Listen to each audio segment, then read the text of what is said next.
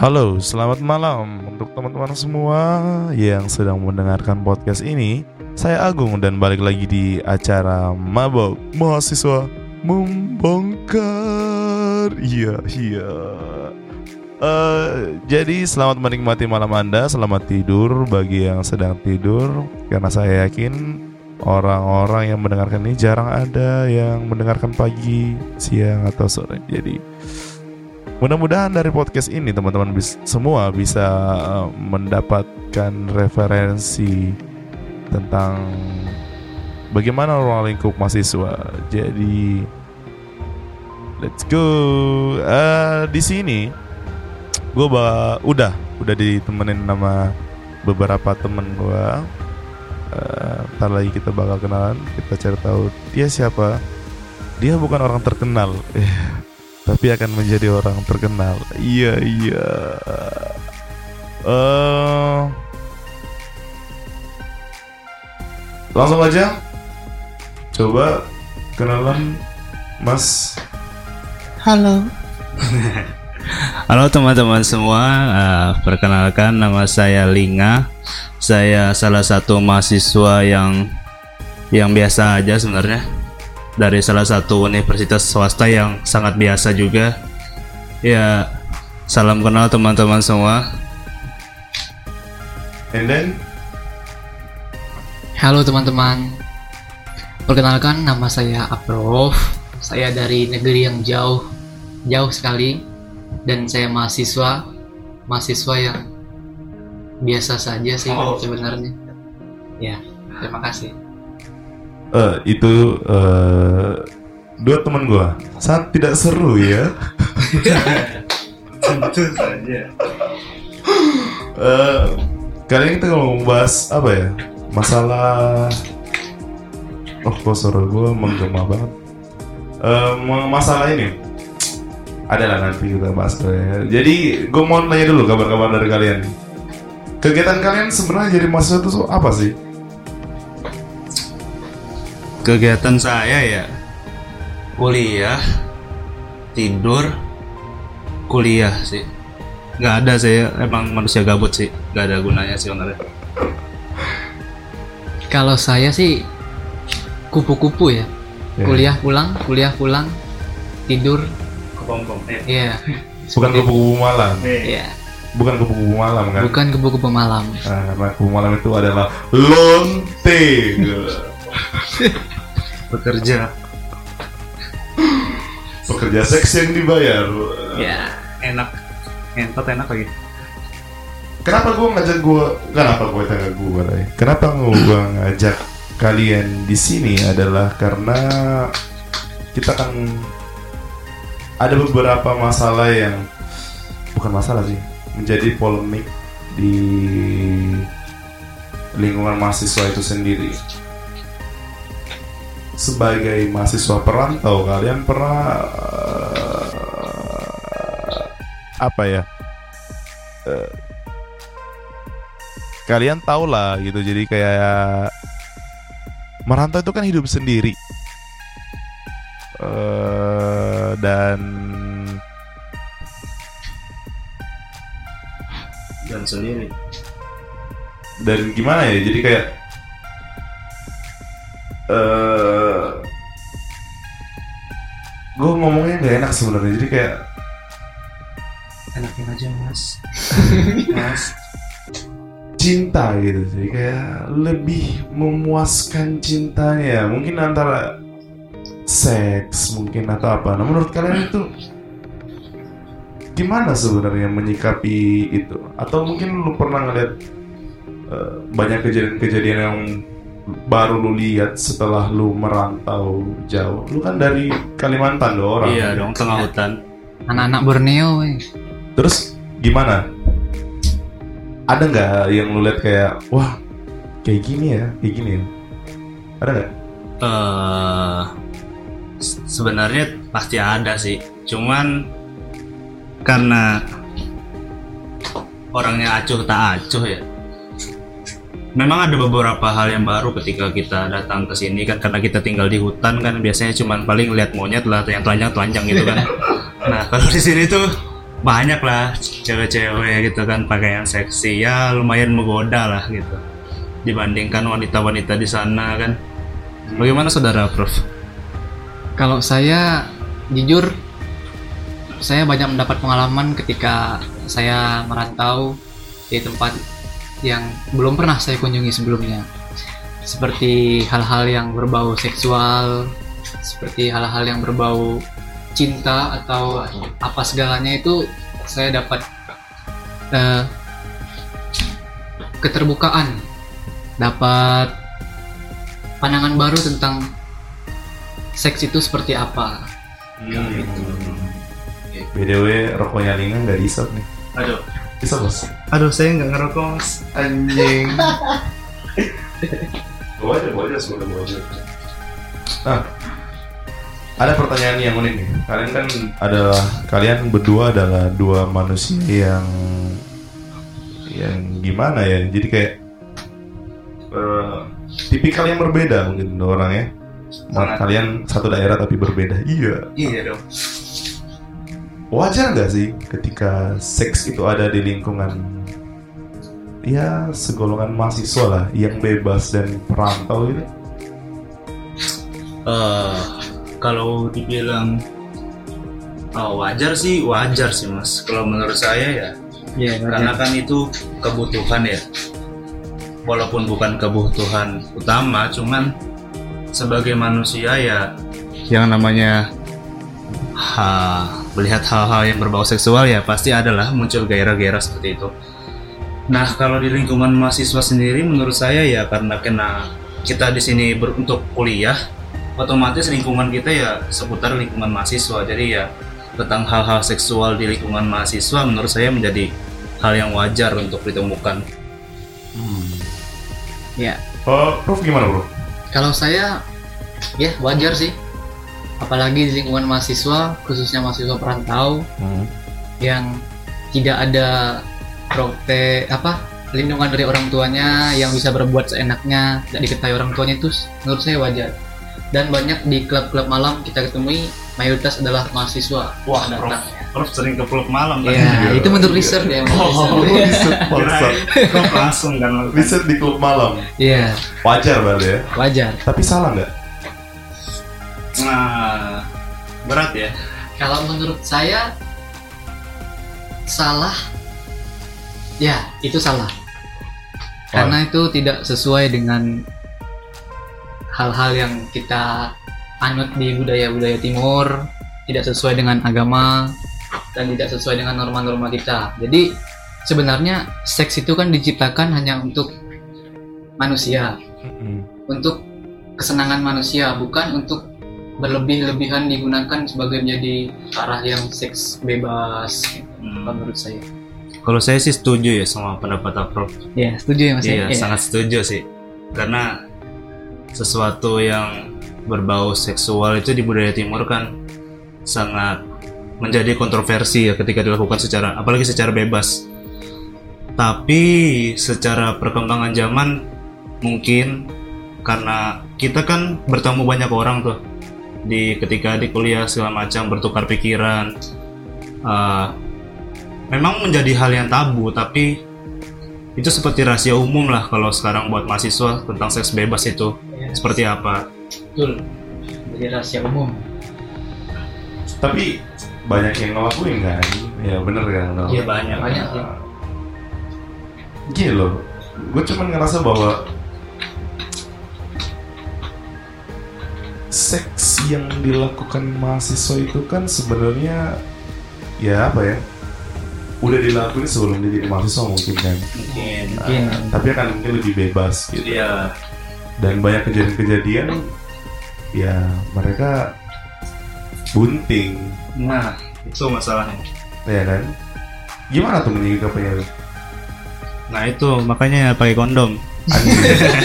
benar benar. Tapi nggak enak coy. iya sih memang gak enak Iya. sih cuman kita kan harus menjaga gitu kondom pun bisa bocor gitu apalagi gak pakai kondom bodoh kalian semua ya betul sekali Gue sebenarnya agak canggung ngomong gini sama Apro karena Apro ini adalah ustadz di gereja. Iya. Cuman cuman enak sih ngobrol-ngobrol kayak gini jadi kayak eh, biar teman-teman juga ada pengetahuan tentang Iya. ya iya kan bener Ya, kan? Penting lah sex education Mm-mm, Iya. Jadi kayak ya, jadi kalau ada orang yang nge-sex wajar kan ya? Ah, saya Enggak wajar, wajar tuh dalam arti kayak gini kayak normal normal manusia contoh melakukan contoh nih temen lu sahabat lu tuh. ya sorry aja ya kita kita Ya. melenceng dikit Oke, tapi oke. sama masih dalam ruang lingkup seks oke siap. kalau ada temen lu yang hunter lu tau gak hunter gak iya. Lesbian ya. Kan? Ah. Iya. Eh, atau gay mungkin dan yes. gimana lu itu kan soal yang tabu. Ini gak sih? Tabu banget. Hmm. Sangat tabu. terus eh gue gue gimana ya ngomongnya? Lu pernah punya teman gak sih yang seperti itu? Iya ada ada. Ada kan? Lu sikap lu gimana gitu? Ngejudge kayak atau gimana? Oh enggak sih kalau ngejudge karena balik lagi sih kalau hidup seseorang itu kan eh, dia yang menentukan dia yang memilih. Mungkin secara budaya atau secara agama tentu itu sangat salah kan. Cuman tugas kita sebagai masyarakat sosial ya mungkin cuman meng- mengingatkan nggak bisa kita eh melarang. Lu tuh nggak bisa gini lu tuh homo ini ini ini, ini. itu kan bukan yang memperbaik suasana malah memperburuk suasana kan. Seharusnya seorang orang yang kayak gitu tuh kita rangkul gitu. Yang kamu lakukan ini salah. Mungkin kita nggak bisa memberikan pengaruh secara langsung karena itu kan dia yang menentukan hidup dia. Cuman ya sebagai manusia kita menurut aku eh, kewajiban kita tuh cuman mengingatkan. Kita nggak bisa memaksakan kehendak kita terhadap orang lain sih itu lah padahal kan mereka kan menganggap bahwa itu tuh nggak salah gitu. Perlakuan itu nggak salah. Dan secara secara apa ya bukan keputusan apa ya kayak, kayak eh, Pilihan hidup. bukan Oh. aturan dalam ya anggaplah psikologi kan ya Iya. mereka kan orang-orang psikologi di luar sana dari daerah sana udah nganggap bahwa hal itu bukan penyakit menurut itu penyakit apa bukan Eh, menurut gimana ya? gimana ya saudara Prof Kalau menurutku dibilang penyakit tapi gimana ya? Kayaknya itu kalau menurut saya pribadi itu bukan penyakit tapi itu penyimpangan seks kalau menurut saya. Penyimpangan artinya kesalahan yang di- dilakukan oleh seseorang yang memilih dia ingin menyukai sesama jenis atau tidak. gue Dan- masih nggak bisa mikir perbedaan antara penyimpangan dan penyakit itu apa Oh ya. Kalau penyakit itu kan dia anjir akademisi banget nih Iya. sorry guys otakku berdarah Nggak, kalau penyakit itu dia alami bukan karena kehendaknya. Kalau menurut saya ya, penyakit itu bukan karena kehendaknya, tapi penyimpangan itu bisa dia pilih. Apakah dia ingin memilih jalan yang kanan atau jalan yang kiri? Gitu, kalau menurut saya. oh berarti se- se- semacam tersesat gitu Iya, bisa dibilang tersesat. tapi anggaplah anggaplah bahwa lu itu adalah pelaku gitu Duh, enak dong nggak enak aja lu iya bercanda mas Iya. Cewek Sarkas, cowok tuh nggak enak Iya. iya ya tentu Enggak, cuman cuman gue gue berusaha buat ada di jalur tengah. Walaupun gue jujur nggak setuju dengan. Ya, gimana ya?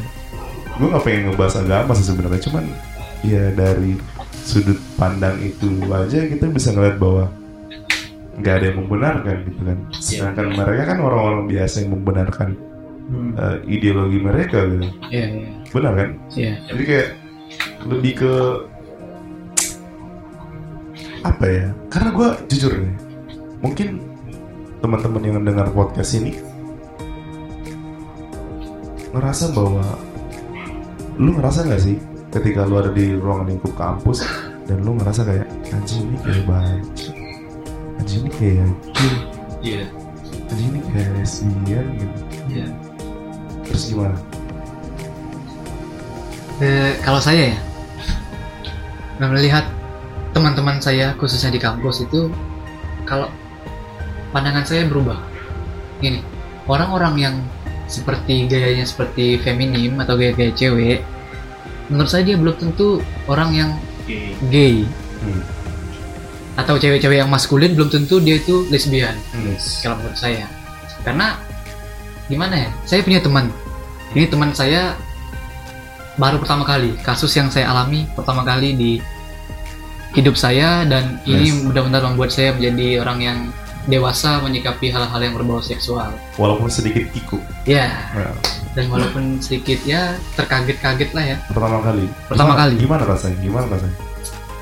rasanya itu saya diceritain teman saya bahwa dirinya itu gay terus di satu sisi saya ingin lari tapi di satu sisi saya ingin menolong karena yang pertama saya ingin lari karena saya takut saya tertular menjadi korban pelecehan seksual oleh teman saya di satu sisi dia, dia adalah teman saya tapi harus saya tolong dia agar dia bisa kembali ke jalan yang benar Tapi kan seseorang yang ditolong itu adalah orang yang minta tolong.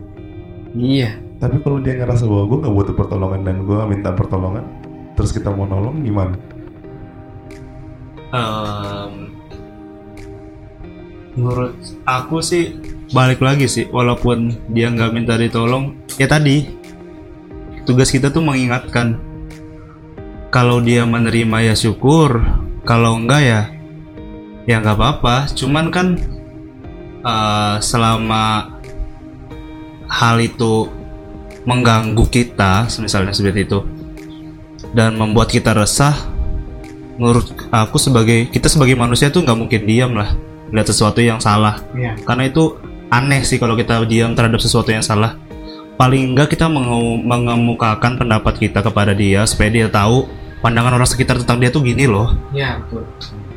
bahwa hal itu tuh sebenarnya mungkin menurutmu itu biasa saja tapi kalau menurut orang lain di sekitarmu tuh seperti ini mungkin suatu saat dia mungkin akan tersadar atau seperti apa ya itu kembali lagi Lebih ke nilai dan norma berarti. Yes.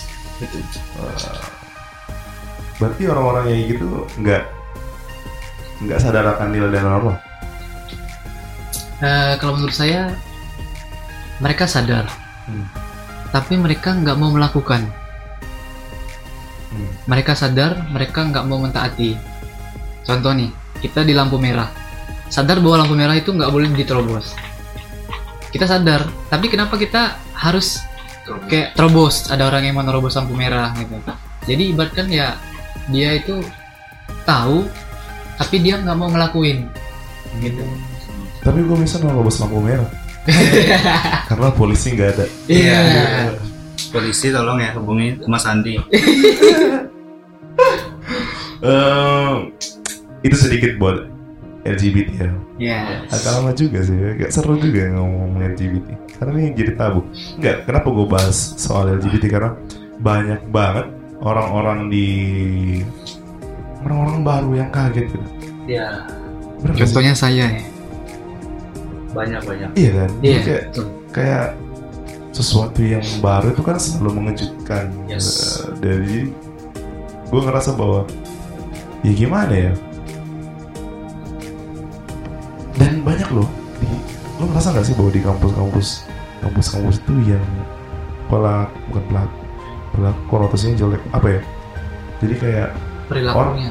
Yang orang-orang yang terlibat di situ malah modelnya nggak bentuk seperti apa yang di persepsi kita nah benar nggak sih iya betul.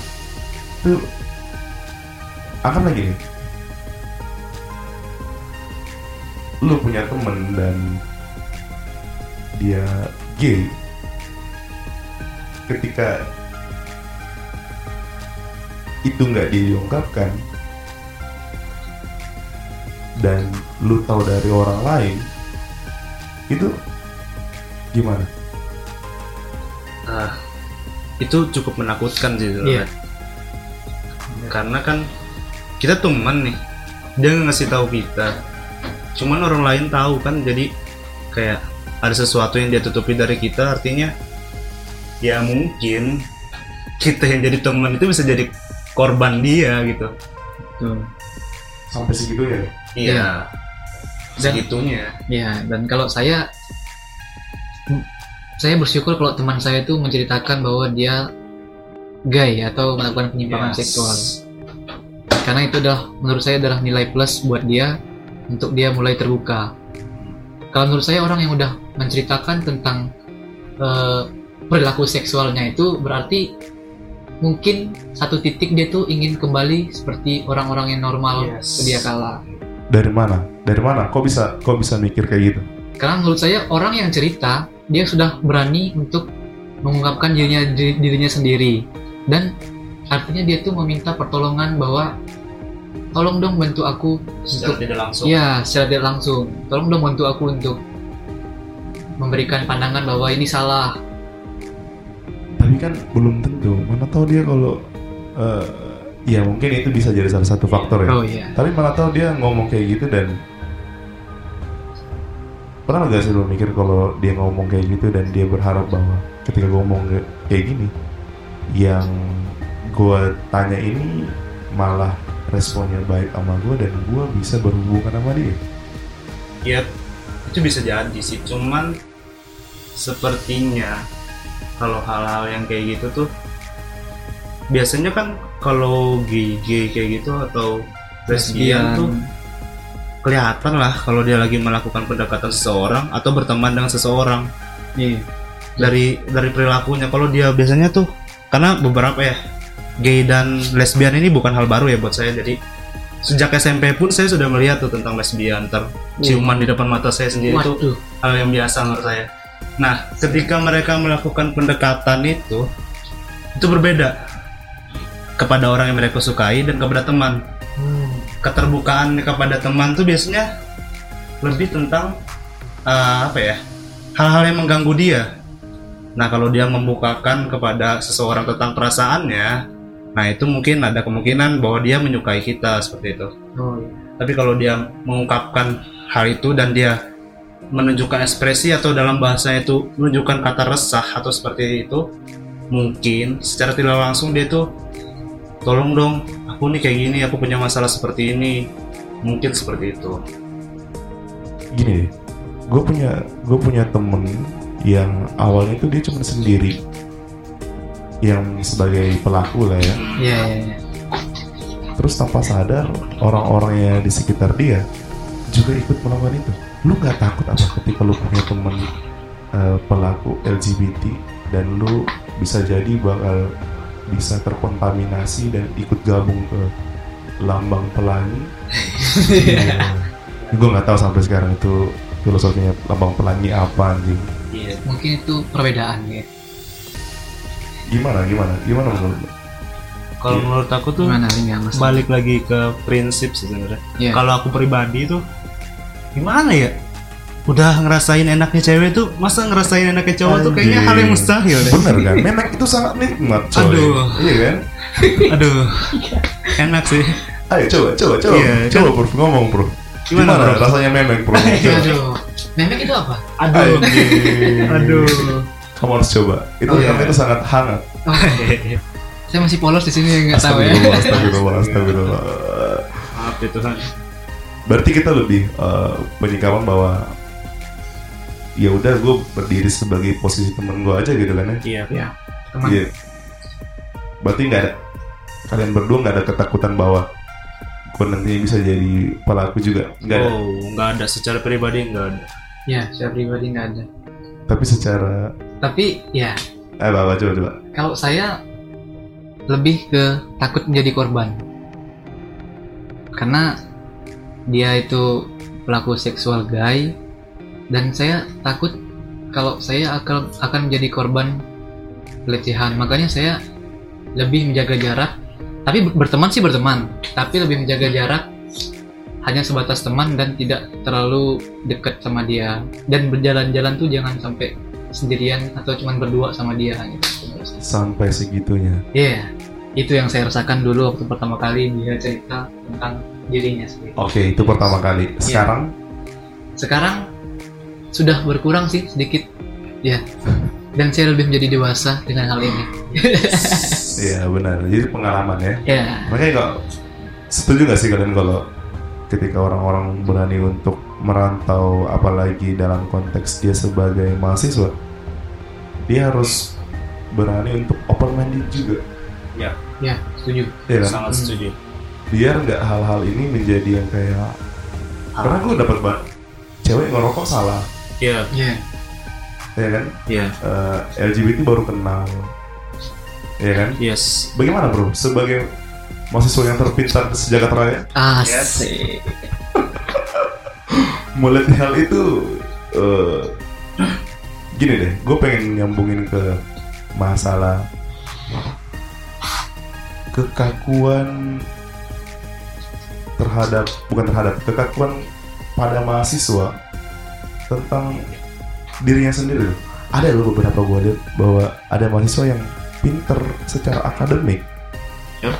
tapi dia me- memenjarakan dirinya dari dunia sosial Iya, Hmm. banyak banyak. dan dia pintar coy masalahnya Iya. apakah orang-orang pintar itu cerdas Belum tentu. belum tentu ya. kenapa lu bisa ngomong kayak gitu Gimana ya?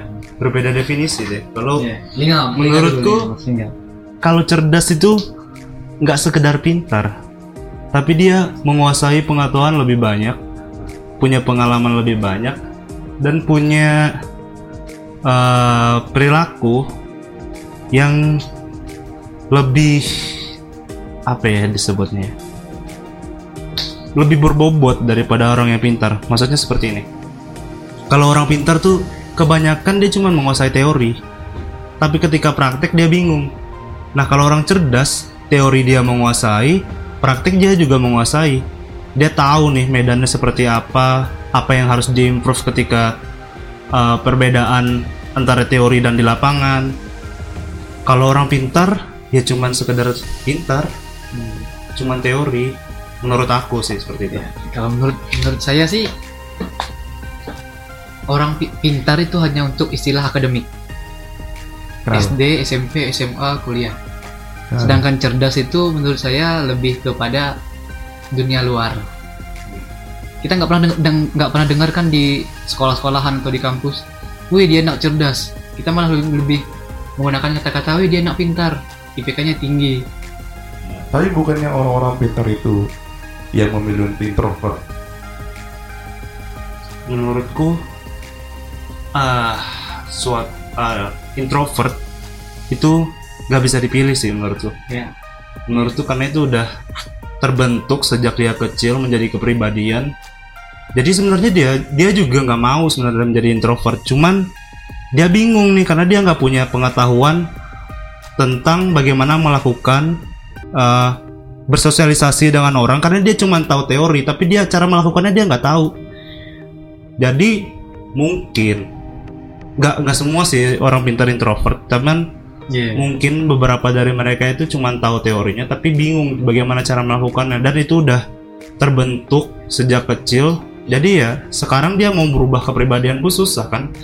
Yang paling bisa diubah cuma perilaku dan itu eh, yang namanya kepribadian melekat ya susah pastinya. Dan kalian berdua termasuk dalam golongan introvert atau extrovert? Kalau kalau saya sih mampus mampus anda ya mampus coba jawab yes kalau saya golongan orang yang introvert tapi ketika bertemu dengan teman akrab saya menjadi ekstrovert. ambivert ambivert Ya, berada di tengah-tengah ya. ya sama Ya. sama Jadi ya, kalau saya orang bilang saya lebih- lebih ke orang yang introvert. Padahal ketika mereka kenal saya lebih dekat, mereka akan bilang saya lebih orang yang ekstrovert. Kenapa orang bilang saya introvert? Karena prinsip saya melakukan hal yang saya anggap penting. Jadi kalau hal yang nggak menurut saya anggap tidak penting, saya tidak akan melakukan. Lebih baik saya tidur, ya berbaring-baring di rumah, goler-goleran mungkin ya. Ya itu. Terus kalau gue nanya gini, anggaplah gue adalah bukan seorang mahasiswa dan gue pengen jadi mahasiswa. Kira-kira apa saran lu buat gue kayak eh, ketika gue berada nanti pada mahasiswa, apa yang harus gue lakuin? Apa gue harus berkenalan sama sama orang dan nge-sex sama sama orang? oh wow HIV mas Anjing. Pakai kondom dong. Gimana? Gimana? Menurut lu kayak eh, mahasiswa itu butuh yang udah lu introvert aja yang penting lu pinter ya atau kayak eh, enggak lo kuliah itu saatnya buat orang eh, leha-leha saatnya orang buat eh, Yes, yes. lu kenal banyak relasi atau apa. Menurut lu gimana? Eh, menurutku balik lagi ya ke menurutku pribadi kalau di setiap orang tuh ada sisi introvert dan ada sisi extrovert. Tergantung dominannya ke arah mana. Jadi kalau dibilang harus menjadi introvert atau extrovert ketika menjadi mahasiswa itu menurut aku belum tentu tergantung dengan situasi yang yang dihadapi gitu. Memang lebih baik menjadi orang yang extrovert sih di masa kuliah karena kan ya kuliah nih lu ketemu orang dari berbagai daerah pemikirannya baru budaya baru. Ketika lu ngobrol kan lu banyak bertukar pengetahuan pemikiran. Akhirnya kan uh, wawasanmu lebih luas kan. Cuman ada beberapa kondisi di mana lu harus menjadi introvert. Contoh nih teman-teman lu yang yang lu deketin yang lu yang deket sama lu ngajak lu mungkin ke hal-hal yang negatif. Hal-hal yang mungkin membuang-buang sesuatu membuang waktu membuang uang. Nah hal-hal seperti itu kan mungkin tidak terlalu berguna ya. Nah di saat seperti itulah sisi introvert manusia itu dibutuhkan. Contohnya mager.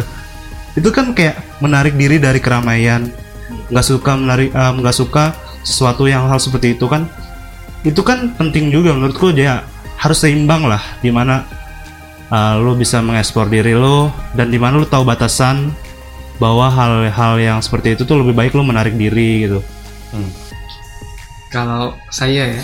Anjing ini kayak tukeran. Jawaban satu jawaban Iya. satu. Ya. sorry ya karena mic kita cuma dua. Oh. ya tolong ya yang punya uang ya. Tolong ya sponsor. Ya, anjing anjing. Eh, gimana bro? Kalau saya untuk mahasiswa atau calon-calon mahasiswa nanti nih yang ingin kuliah. Kalau memang kalian memiliki kepribadian yang introvert ya tidak apa-apa. Tapi menurut saya ketika waktu kita kuliah kita harus bisa menempatkan sisi kita ekstrovert bergaul sama orang itu seperti apa mencari teman mencari relasi itu seperti apa dan bagaimana kita untuk ingin memiliki waktu sendiri kalau menurut saya. Karena orang introvert itu lebih enak sendiri sih. Yes. Aura-aura negatif eh positifnya itu keluar pada saat dia sendiri kalau orang introvert. Oh gitu? Ya sedangkan orang-orang yang ekstrovert aura-aura kebahagiaan aura-aura kesenangannya itu keluar ketika dia bergaul sama orang lain. I see. jadi kayak eh, modelnya lebih ke dia malah bisa mengungkapin semua perasaannya kalau dia sendiri. Ya Yes. kalau introvert seperti itu. Dan nyaman. introvert tuh bukan orang yang antisosial. Ansos bukan. Dia itu orang-orang yang lebih nyaman sendiri. Contohnya saya lebih nyaman sendiri belajar dan aura saya lebih eh, lebih tereksplor ketika saya sendiri Aduh, Gitu. jangan bahas pelajaran. Iya. Saya tidak mau membahas pelajaran. Hal itu sampah sekali ya. Kita lagi ngebahas soal ngewe ini Oh, dan iya, iya. keluarga Iya. belajar. ada teori ngewe eh. Aduh, aduh, aduh. Eh, sekedar info ya bahwa kita bertiga ini adalah sebenarnya sebuah band. Iya bener kan ya? Iya, Promosi dong. promosi. Nah kita bakal merilis lagu. Eh, vokalis kita, wow, kejutan lah ya kejutan Eh, kejutan lah ya. wah lah ya pokoknya maafin kita naras jala jadi yang mau manggil kita buat manggung silakan. penting murah, guys. sediain aja ininya apa ridersnya rokok surya gitu. harga murah lah guys Anjing. Oke, la- lan- lanjut. Eh, tadi kita ngebahas soal cinta. Sekarang kita eh, sambung lagi. Gini. Satu pertanyaan yang bakal panjang banget mungkin jawabannya. siap ya oh belum Belum, belum, belum. Gue nggak tahu mau ngomong apa, mau ngomong mengungkapkannya tuh gimana. Tapi gini. LDR oh agak agak agak gimana gitu kan yes Nah, LDR nih. Banyak orang yang di luar sana tuh pengen kuliah kayak contoh orang Papua mungkin mau kuliah di Yes. Jogja atau mungkin orang Aceh mungkin yang mau kuliah di Jakarta. Tapi mereka nggak eh, nggak ma ada yang sesuatu yang mereka pikir karena gue takut ninggalin pacar gue itu gimana coy enggak gue gue gue minta gue minta pendapat lu Oh. bahwa eh, udah deh pacaran itu cuma segitu doang gitu Yes. atau gimana ya ringan Ya. Menurut aku ya. Udah lah men, lu kan nggak tahu lu bakal nikahin dia atau enggak gitu. iya itu Iya, iya Iya, sih, kan? iya benar benar benar ya lu ngapain takut kehilangan dia men? Kalau dia emang udah jodoh lu ya sama lu gitu. Gue sendiri mengalami sih yang namanya LDR tuh. Memang gak enak sih. Emang gak enak sih. Yang biasa makan berdua tiba-tiba sendiri gitu kan. Iya. sekarang masih LDR Tolong ya yang cewek hubungin lah DM DM. yang biasa ngeluarinnya sama bareng-bareng Ah, ngeluarin apa dong? ngeluarin itu loh, ngeluarin Selain sampah-sampah. Iya. Dibersihkan, Iya, dibersihkan. jangan jangan bicara kotor kayak ngomong Iya, keluarin dasar mani kalian ya, gitu kan. mesum. Jangan ngomong kalau kita tuh coli atau apa. Enggak. Gitu kan. Iya, enggak gitu tuh enggak pernah, cuman sekali sehari aja lah. Podcast kemarin, podcast kemarin kebanyakan gue ngomong masalah eh, hal-hal tabu itu kayak contoh coli dan lain-lain. Iya. itu kan gue ada di perkumpulan yang ya pelaku-pelaku. Dengar kalian ini ya semua ya. Oknum-oknum ya. Eh, Oknum pelaku ya, tolong lah sadar lah kalian. Nih, gue mau nanya sama kalian, jujur kalian berdua. Pernah coli nggak? Wah, pernah dong. aduh Gimana? Gue mau denger dari Aprum. gue mau denger dari Aprum. Gimana Aprum? yang pertama isu seksual itu memang tabu ya Iya. emang tabu ya Eh, bi- biar biar orang oh ternyata kayak gini. It's okay, bukan? kalau menurut pandangan gue sih setiap laki-laki itu kayaknya pernah sih melakukan masturbasi Aman ya jawabannya ya? Iya. Aman banget ya. Gimana rasanya? Enak. waduh Aduh, jangan ditanya dong. Kalau gue sih nggak enak karena biasa aja. Karena udah biasa. Wow. wow. karena gini banyak orang orang-orang pelaku-pelaku atau pecandu-pecandu masturbasi itu lebih kepada lebih enak masturbasi daripada Seks. berhubungan seksual secara langsung Langsung, bersama iya. perempuan dan terkadang nih orang-orang yang masturbasi ini dia yang pertama ketika dia sedang stres ketika dia sedang hormon-hormonnya itu sedang naik Yes. ya itu Istilahnya gini kalau di kucing itu apa? Lagi musim kawin. Musim kawin. ya Tapi nggak ada kucing yang bisa di EW. Iya, ya udah. Iya. Kasian dong berarti kucingnya nggak bisa Kucing coli. ya? nah, itu pertanyaan, guys. Kucing bisa coli ya, guys? Anjir. Berarti itu enak dan lu pernah lah gitu ya. Ya pernah lah. Semua semua Ya. laki-laki lah. Oh. Akhirnya terjawab sudah. Eh guys, buat kalian cewek-cewek jangan mikir bahwa coli itu sesuatu yang aneh ya. Itu Yes. normal banget sebenarnya. Yes. Cuman Yeah. mungkin kalian aja yang masih menutup diri tentang pengetahuan Yes. seks dan sex education kalian masih mungkin masih kurang gitu.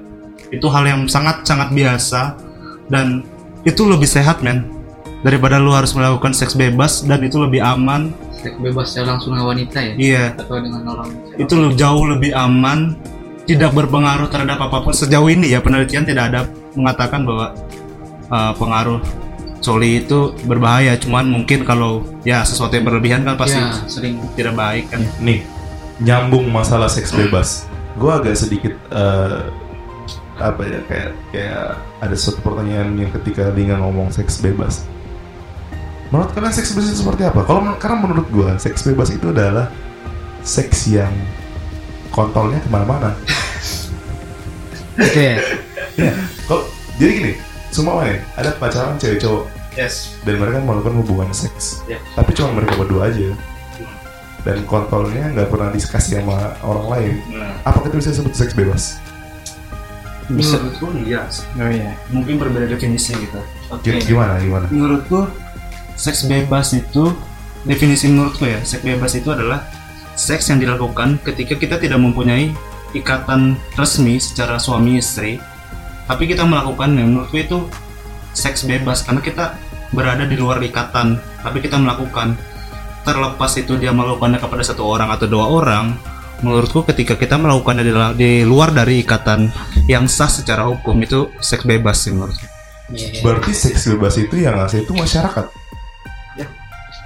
Gimana? Seks bebas kan kayak, kayak pernikahan hukum, Oh, iya. hukum pernikahan itu berarti kan yang ngasih kan hukum masyarakat dong. gini kalau menurut saya seks bebas itu teman-teman mungkin ya kebanyakan orang-orang berpikir seks bebas itu eh, hubungan badan berhubungan badan dalam, dalam arti hubungan suami istri secara bebas padahal kita ciuman itu adalah seks bebas juga loh. Kita memegang payudara itu adalah seks bebas juga Oh, akademisi sekali jawaban anda. Ya. karena seks bebas itu seks yang dilakukan secara bebas seks kan artinya dia eh, apa ya lebih ke hasrat atau kelamin atau keinginannya gitu keinginannya untuk melakukan jadi jangan berpikir kalau misalnya kita cuman orang berpikir seks bebas itu hanya untuk eh, berhubungan badan itu menurut saya salah karena seks bebas itu bisa mencakup berbagai hal bisa kita lebih ke ciuman bisa lebih ke memegang hal-hal yang berbau sensitif itu menurut saya Berarti ciuman itu udah masuk dalam kategori seks bebas. ya sudah masuk kategori Iya, benar. seks bebas Berarti kalau ciuman itu salah dong. Iya gini gini mencium itu hidung atau mulut Hah? Kita mencium itu hidung hidung hidung atau mulut? Tergantung enaknya sih. ya. Kan kebanyakan orang mencium mencium itu aroma. Yes. artinya udara bukan mulut. Jadi sebenarnya hakikatnya ciuman itu adalah hidung. Artinya kita mencium tangan orang tua kita dengan hidung. Hmm. gitu. Kalau menurut saya sih karena orang-orang banyak berpikir bahwa ciuman itu lebih kepada harus yang maksudnya dia ciuman bibir padahal bibir itu kan untuk mengecap untuk kita bukan mengecap sih untuk kita berbicara untuk ini bukan untuk mencium mencium itu adalah hidung kalau menurut saya Tapi kan enak. aduh Kita berarti saling mengecap men, bukan saling Iya. ciuman. Iya. Saling Salah, menjilat, guys. saling menjilat. iya. Iya kan? Iya dong. Berarti salah dong ya ciuman ya. ya Tapi wajar. ya wajar Salah karena tapi wajar. karena budaya-budaya tadi budaya-budaya luar Iya. Gue sempat mikir bahwa yang ciuman pertama kali di dunia ini siapa ya? aduh Ya pembikin budaya. Kenapa nggak langsung ngewe aja gitu? Mungkin pemanasan men. butuh rangsangan dulu kayaknya ya. Iya ya siapa? pemacu ya butuh pemacu Iya. Kenapa? Mungkin- Kenapa? Kenapa nggak kayak, hei, Jumington gitu, ngewe yuk gitu. gitu kan? Kenapa mesti ada eh, ciuman dulu? ritual pertamanya ya iya kan? Kenapa coba? Siapa yang menciptakannya? Mungkin nih yang menciptakannya ada tokoh dari eh, dari mana ya? Pavlov. Zimbabwe, Zimbabwe. Namanya Dimas Hardi mungkin ya. Dia yang menemukan pertama kali struktur-struktur tuh langkah pertama dalam melakukan seks mungkin ya. Apa ngegiling gitu Iya, iya. kan? Ngeraba Iya. sampai selangkangan eh selangkangan Eh. hitam. Aduh. Iya. Kasih spidol dong. Jadi untuk sekali lagi untuk cewek-cewek tolong jaga Iya. selangkangan Anda dan tumit Anda untuk tidak kapalan. Supaya itu nikmat bos. Karena kalau cewek itu selangkangannya terlalu hitam, itu gimana ya? Masa kita asu kalau seks bahasanya panjang ya? Yes. karena menarik ya walaupun tabu Yes, benar. Eh, berarti gini dong. Kita ngomong seks nggak apa-apa kan? nggak apa Orang-orang butuh seks. Orang-orang butuh seks. Kalau dari pengertian Prof tadi ya, seks itu kan tidak berhubung, tidak semelulu berhubungan suami istri ya. Kalau kita pakai definisi itu, sebenarnya menurutku sih semua orang tuh perlu melampiaskan hasratnya. Nice sekali. Iya kan? Melampiaskan hasratnya kalau dari definisi Prof tadi, berarti kan ada sepasang nih. Berarti kalau dia sendiri kan berarti bukan termasuk seks dong. Hmm. Kalau dia coli semacam, Hmm. bukan termasuk seks ya? Eh, mungkin masuk tapi nggak ke seks bebas. Iya. Ya. Ah, Berarti semua orang butuh seks, man. semua orang butuh seks. Semua orang butuh seks. Semua orang. Semua orang. Kecuali lu nggak normal, men.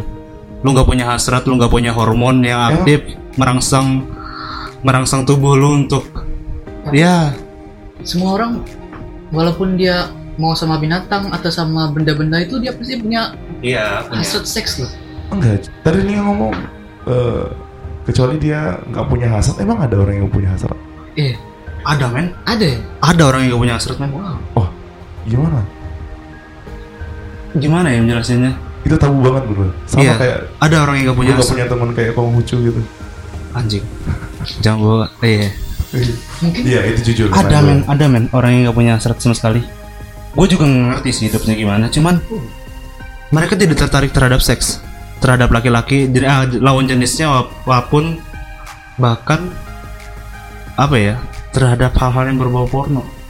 Ada loh orang yang seperti itu. Hmm. Mungkin nggak tahu juga sih. Iya, Mungkin ada, cuman Gue gue mikir emang ada orang yang gak punya hasrat. ada men. Tapi lu- menurutku lebih ke seks. kelainan kelainan genetik sih. Wah, kalau Terus dia melampiaskan itunya gimana? Iya kan karena nggak ada hasratnya men. Eh. Apa yang dilampiaskan? kalau menurutku setiap orang pasti ada hasrat seks ya Nah, Kalau menurut ini, kayak- ini, ini. Kalian bertikai kan? jangan bawa ini ya, jangan bawa eh, senjata ya. karena kebanyakan orang-orang yang nggak punya seks kan terlihat dia nggak melakukan hubungan dengan seseorang atau wanita atau laki-laki atau apa pun itulah tapi dia berhubungan dengan misalnya dia mencium pakaian-pakaian wanita atau dia melakukan ya melakukan hubungan bersama hewan atau dia melakukan bersama hal-hal yang boneka benda-benda mati jadi seaneh-anehnya orang pasti dia memiliki hasrat seksual walaupun itu bukan dengan benda hidup pasti Hmm. menurutku ya Jadi gitu ya. iya Oh lebih lebih ke hasrat yang kayak dia nggak melampiaskan ke manusia. Iya. Dia nggak coli. Iya. Tapi dia ngewe sama boneka. iya itu Tapi gue pernah baca sih di Jepang tuh orang tuh gak punya waktu men buat berhubungan badan karena saking sibuknya kerja. makanya Dan mereka juga kadang ada yang melampiaskannya dengan boneka mungkin. nah, Ada yang melampias gak melampiaskan sama sekali men. Kerja tidur kerja tidur kayak robot. ada loh di Jepang men. Lu lu mungkin bisa cari tahu dong. Berarti kita harus berterima kasih kepada Tuhan karena kita dilahirkan di Indonesia. Yes. Indonesia, I love you. Aku cinta. I love you Indonesia. Jajahan Jepang. Iya kan? Ya, Iya, berarti Jepang gitu lah. Ya, gitu. Itu kebanyakan ya. Kebanyakan. Riset, Ada- ada riset, beberapa. Riset. gitu. Tapi kan kita nggak bisa mungkiri bahwa film-film porno kan kebanyakan dari Jepang. Yoi men. waduh Iya kan? Iya. Jadi seks itu kesimpulan yang gue dapat di sini adalah seks itu di kalangan mahasiswa ya wajar aja. wajar Jadi orang-orang gue dapat kesimpulan dari pembahasan ini adalah untuk orang-orang yang merantau yang masih mengunci diri, dia harus eh, membuka pola pikir dia bahwa coba sekali-sekali ngeliat keluar gitu. Iya. Iya kan ya? iya Eh, Nggak, karena gue ngerasa kayak gimana ya? Gue agak agak agak bukan agak bukan kesel apa ya? Agak heran gitu sama anak-anak yang ketika dia mahasiswa dan dia cuma ngelakuin apa ya? Kayak belajar, belajar dan belajar gitu. Mereka gak ingin nikmatin hidupnya. Tapi walaupun itu nggak salah ya, Ya. walaupun itu nggak salah, tapi kayak lebih ke eh, coba lah lu membuka diri gitu. Nah sekarang gini, ini yang paling banyak di eh, apa ya dipertanyakan sama orang gini. Orang-orang yang masuk organisasi iya adalah orang-orang yang sudah hebat. Menurut lu per- perlu nggak sih ketika kita jadi mahasiswa masuk organisasi? Eh, menurutku Karena menurut gua organisasi itu adalah kebanyakan yang nggak semua. Organisasi itu jadi tempat atau lahan menemukan pasangan untuk melakukan seks. Wow. Dan ajang untuk jadi orang terkenal Iya, iya toxic. Ah. Gimana? Perlu nggak sih kalau kita harus gue masuk baru nih, Yap. gue harus masuk organisasi biar gue apa gitu. Yes, yes. Itu gimana? Menurutku sebenarnya balik lagi ya. Organisasi itu bagus sih sebenarnya. Sebenarnya. bagus buat mengembangkan kemampuan-kemampuan yang kita nggak dapat sebelumnya gitu. Bisa berkembang di organisasi bisa melatih kita bertanggung jawab juga. Cuman mungkin nih mungkin budaya di organisasi pada zaman sekarang tuh udah berubah men.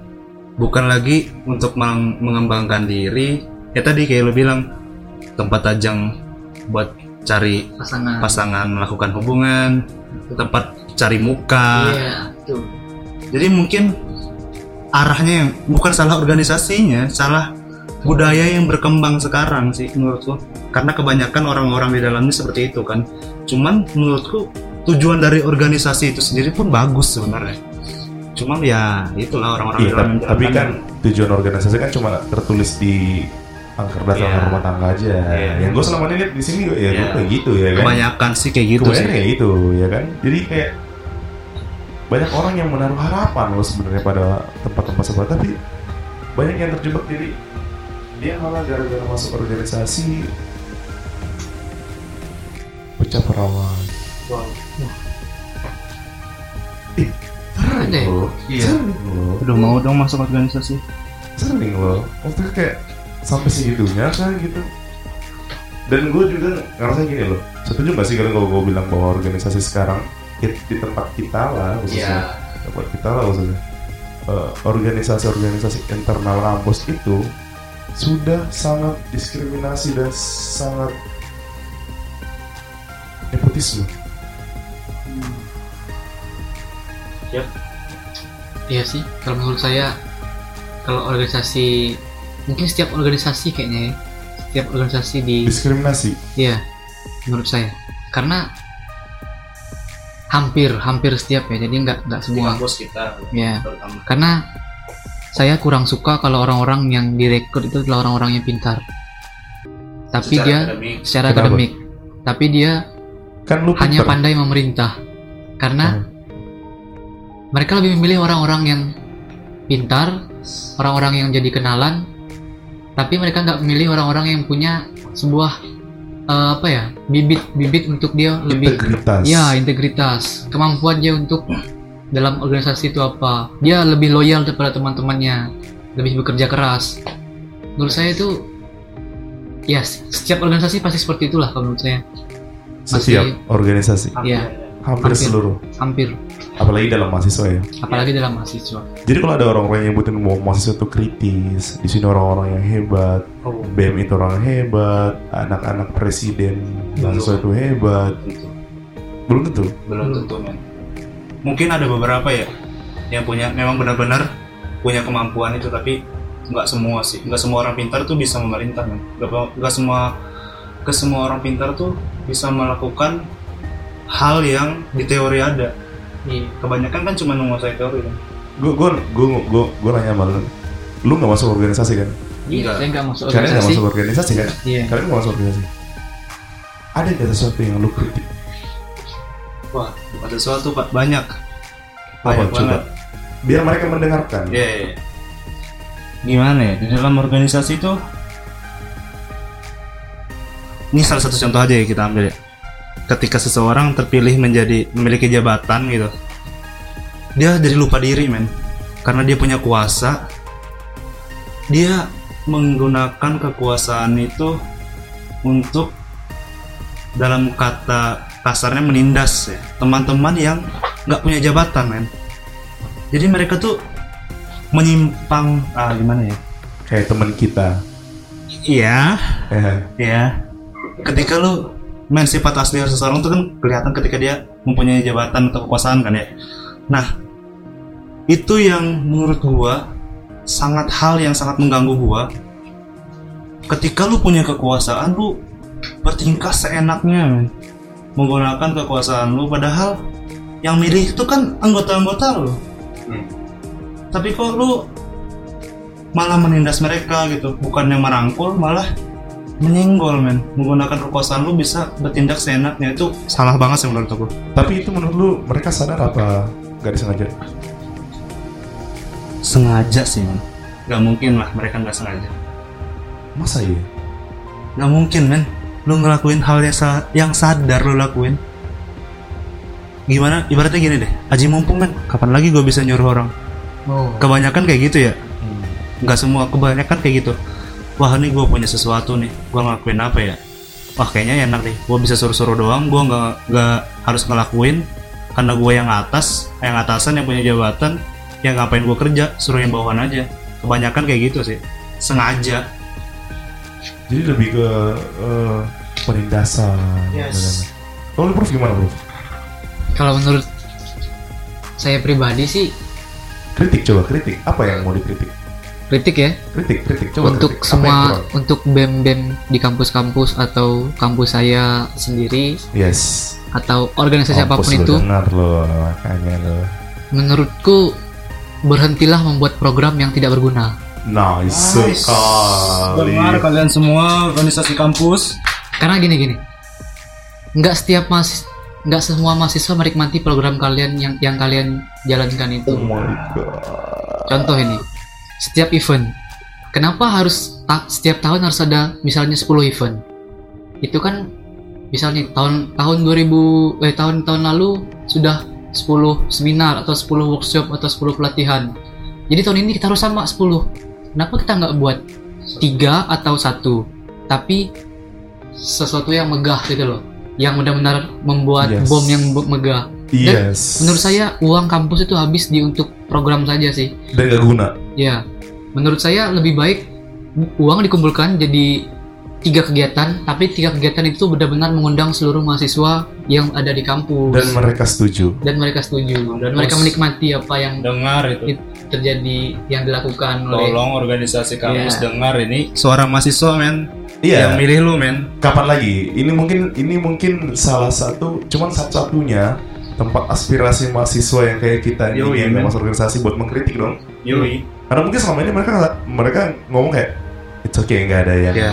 terganggu. Padahal sebenarnya anjing kalian semua Iya. itu kita terganggu bangsat. Dan itu wajar ya sebagai kita kan mahasiswa nih. Iya. Dan itu wajar dong kalau kita mengkritik sesuatu Yes. karena kan anggapannya ini kan mereka perwakilan kita nih. Perwakilan mahasiswa orang-orang yang terpilih. Ya aspirasi kita harus didengar dong. Jangan bikin suatu program yang hasil pemikiran diri sendiri, bukan dengar dari aspirasi mahasiswa. Nah, Itu teman-teman tolong ya. Jadi emang nggak apa ya, kebanyakan kebijakan-kebijakan yang mereka lakukan itu to konyol. Yap. Apa ya, menurut gue kayak setuju gak sih gue kalau- kalau gue bilang bahwa mereka selalu ngomong bahwa kita harus berubah, harus ada perubahan di organisasi ini, tapi tanpa sadar mereka sendiri yang menghalangi perubahan itu. Iya. Dan masih mengikuti budaya-budaya yang diturunkan oleh pendahulu-pendahulu sih menurutku. Iya kan? Iya. Jadi kayak lebih ke apa ya?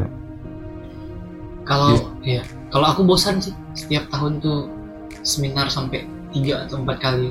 Coba buat satu acara yang benar-benar mengundang semua mahasiswa yang kita bisa bisa bersilaturahmi di situ dan kita bisa lapangan terbuka kan bisa menikmati apa yang kalian lakukan untuk Kira-kira mahasiswa, maksud kalau kalau kalau kalau kalau kita bikin sesuatu yang seperti itu mahasiswa lain bakal setuju nggak dan ikut ikut andil nggak ambil andil nggak di situ? Uh, setuju. Contohnya nih, kalau kita ngadain sebuah kegiatan dan kita ngundang artis besar dengan harga yang lumayan mahal karena duit duit yang kita gunakan selama HTM, misalnya kegiatan-kegiatan yang kita habiskan selama 10 itu 10 kali misalnya setahun 10 kali seminar atau kegiatan kita tabung untuk satu event satu kegiatan yang besar pasti mahasiswa akan ikut datang kalau Iya. menurut saya ya Ah, yes. Ini pembahasan itu dulu tapi lebih lebih nikmat lagi pembahasan kita ya. Iya. Kita harus eh, ada satu nih.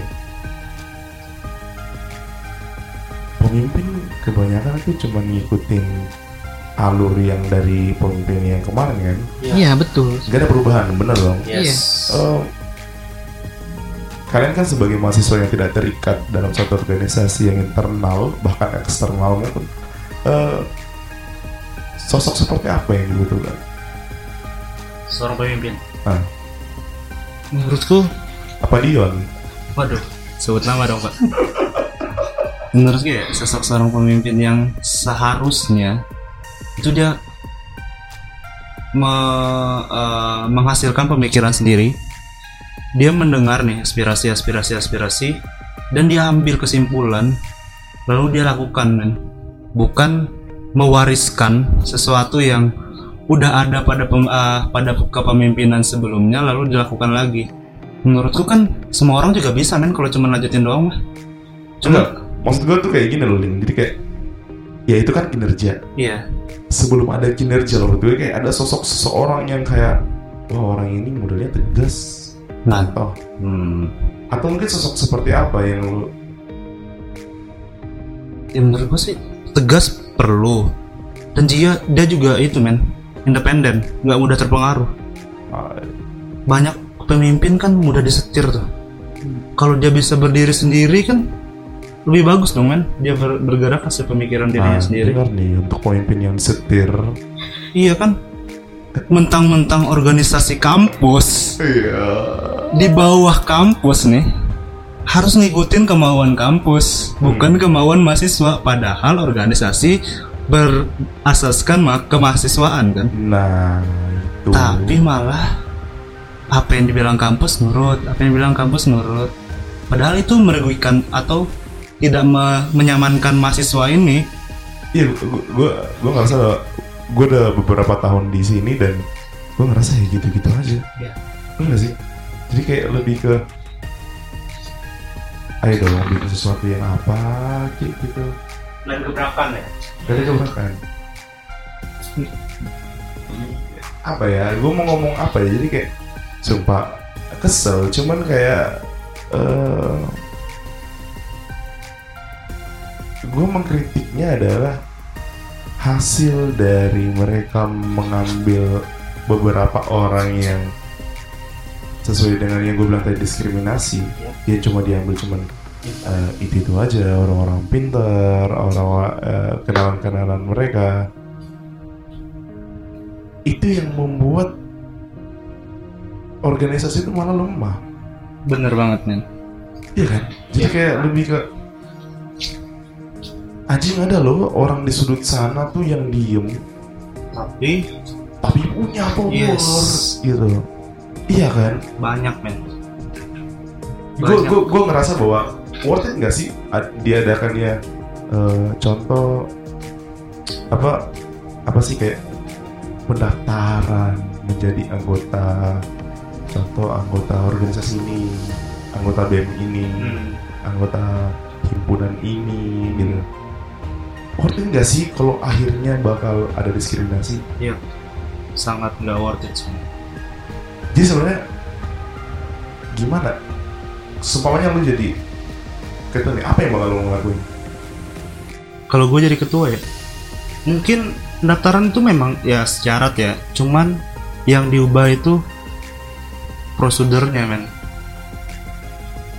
Kalau dia gini ada teori itu namanya the right man in the right place. Lu tuh teori. pilih teori ya. Yes. Belajar. Udara otak kalian kan? Mampus kalian.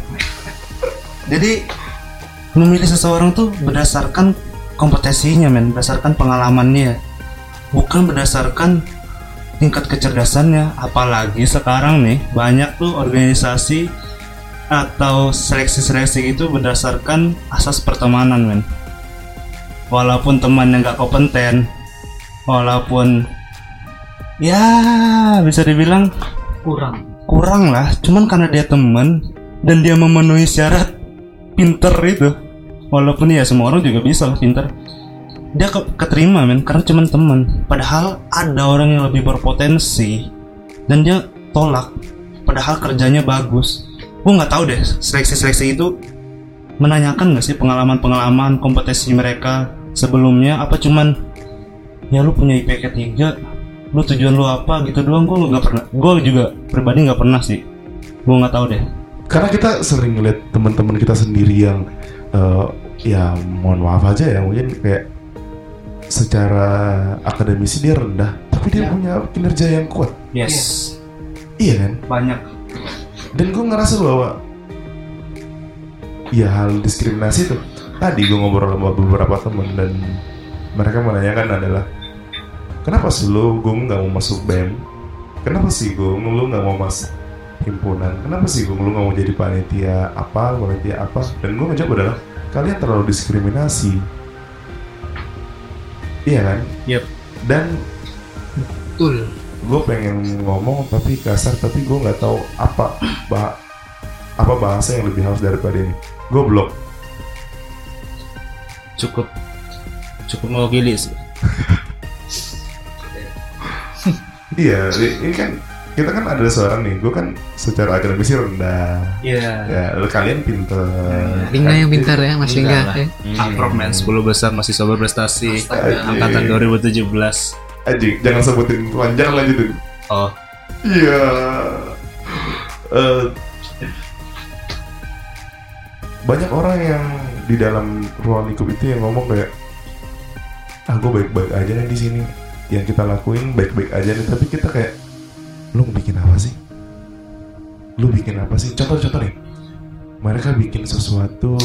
Gue mengkritik keras adalah ketika pemilihan, pemilihan ketua dan yes ketika yang dilawan adalah kotak suara dan mereka menyatakan ayo pilih pilih pilih guna nggak gak sih ada guna men iya kan?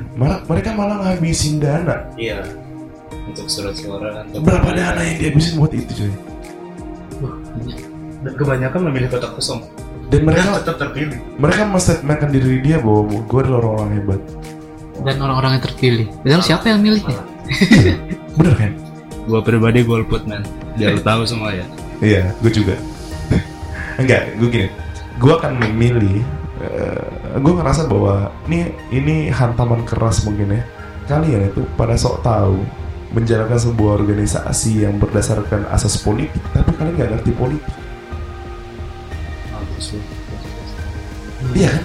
Kalau gua kalau gua sih kalau gua sih ngeliat itu kayak mereka oh, organisasi yang berdasarkan asas politik tapi masa lu nggak bisa ngakalin kayak lu punya ketua dan lu mencalonkan dia cuman tunggal gitu dan lu ngambil orang hey ayo datang pemilihan. Eh, ayo sukseskan pemilihan ini supaya lebih baik. Ngentot ngentot. Jadi kayak lu tuh cuma sendiri anjing. Iya, ngapain dipilih bangsat? Bangsat. Nggak dipilih juga bakal naik. Iya gak guna. Iya kan? Jadi gue kayak ya itulah mungkin ya. Mungkin. Mungkin next kita bakal panggil perwakilan dari ya tolong lah ya kurang minat kayaknya ya. Hah? Kurang banyak yang berminat untuk mencalonkan diri sebagai ketua. nah itu kenapa ada itu kenapa bisa terjadi Karena malas sih. karena nggak menarik nih lu tahu nggak sih orang-orang tuh misal nih analogi ya ada pekerjaan nih orang berlomba-lomba dapatin pekerjaan itu karena apa karena itu punya Menarik. feedback Iya. menarik dan wah ini nih kalau gue bisa dapat keren banget nih. Nah ini kan cuma satu orang tuh.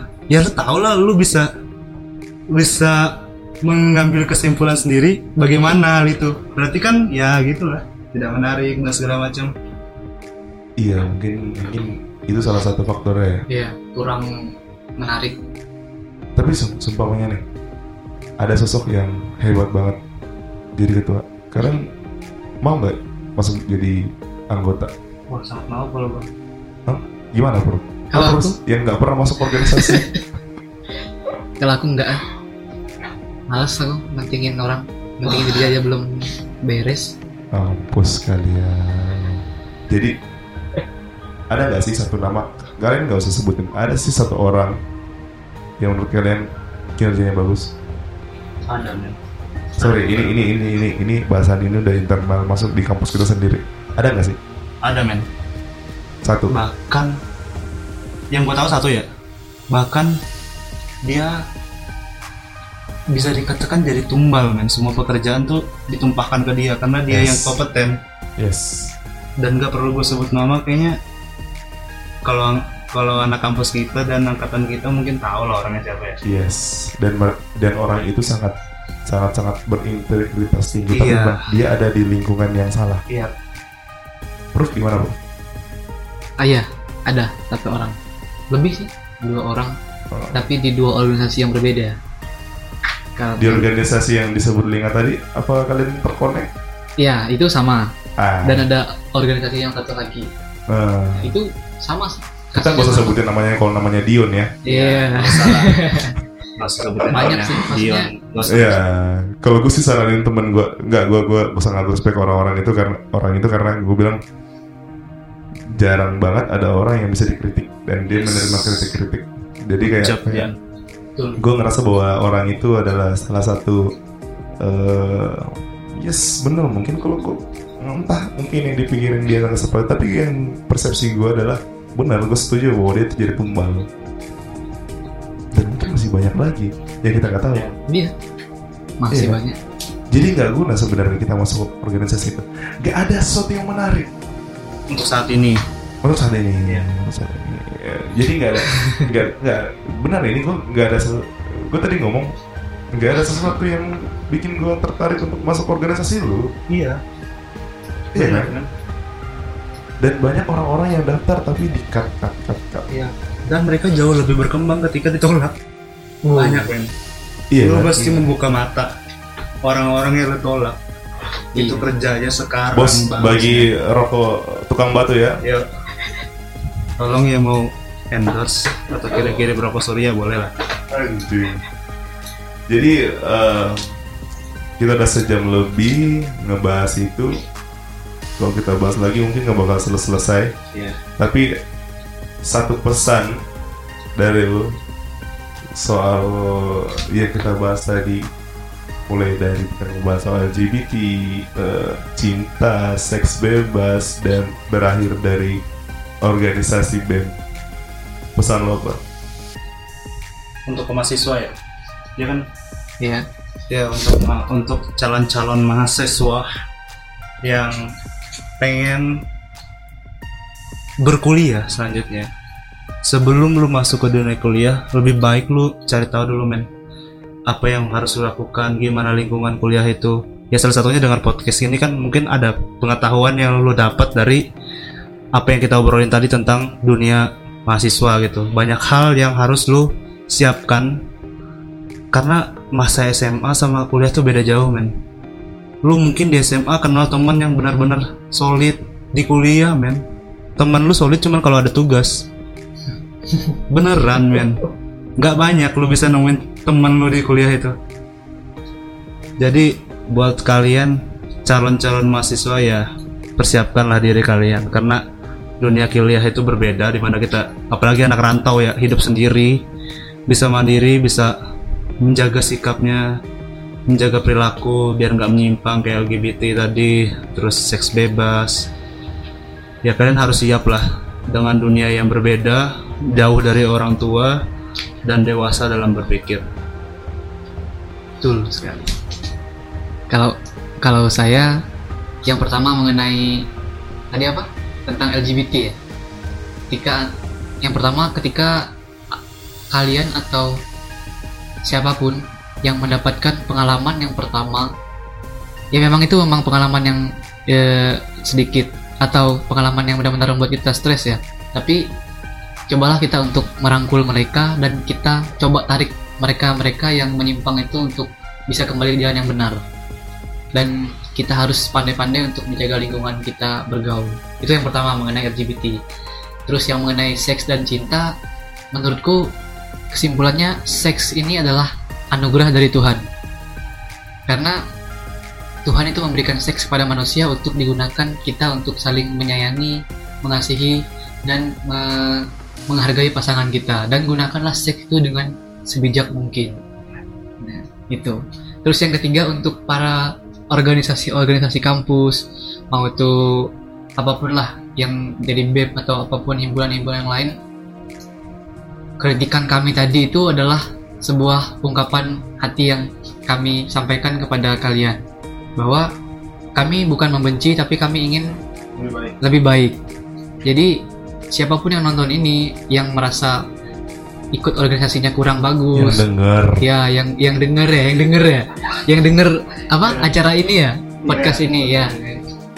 Kita lebih apa ya meningkatkan kinerja kita di ini sih organisasi menurutku. Ya itu aja. Terakhir men kita di sini bukan cowok jahat yang sebagai pelaku seks bebas ya iya ya kita, coba cuman- kita cuma membahas Heeh. apa yang kita tahu lingkup supaya Ya. nggak buta. Jangan dicap seperti itu. Oke. Oke, itu tadi em, udah sejam lebih kita diskusi bareng dan ya mudah-mudahan dari pembahasan kita tadi itu ada sedikit yang dapat diambil ya. Jadi mohon maaf jika teman-teman ada yang tersinggung atau apa karena di sini kita cuma sharing-sharing aja. Mungkin next kita bakal panggil eh, beberapa jenis mahasiswa yang unik. Mungkin kita panggil ayam kampus. Nah, ayam kampus atau mungkin ketua BEM, salah satu ketua BEM di universitas atau presiden mahasiswa atau ketua apa gitu atau mungkin manggil dosen kita nggak tahu ya jadi eh, terima kasih atas eh, para pendengar yang udah setia. Eh, selamat malam dan sampai jumpa di pembongkaran-pembongkaran lainnya di kehidupan mahasiswa. Gua Agung dan di sini ada Linga dan Approve. Terima kasih. Dan selamat malam.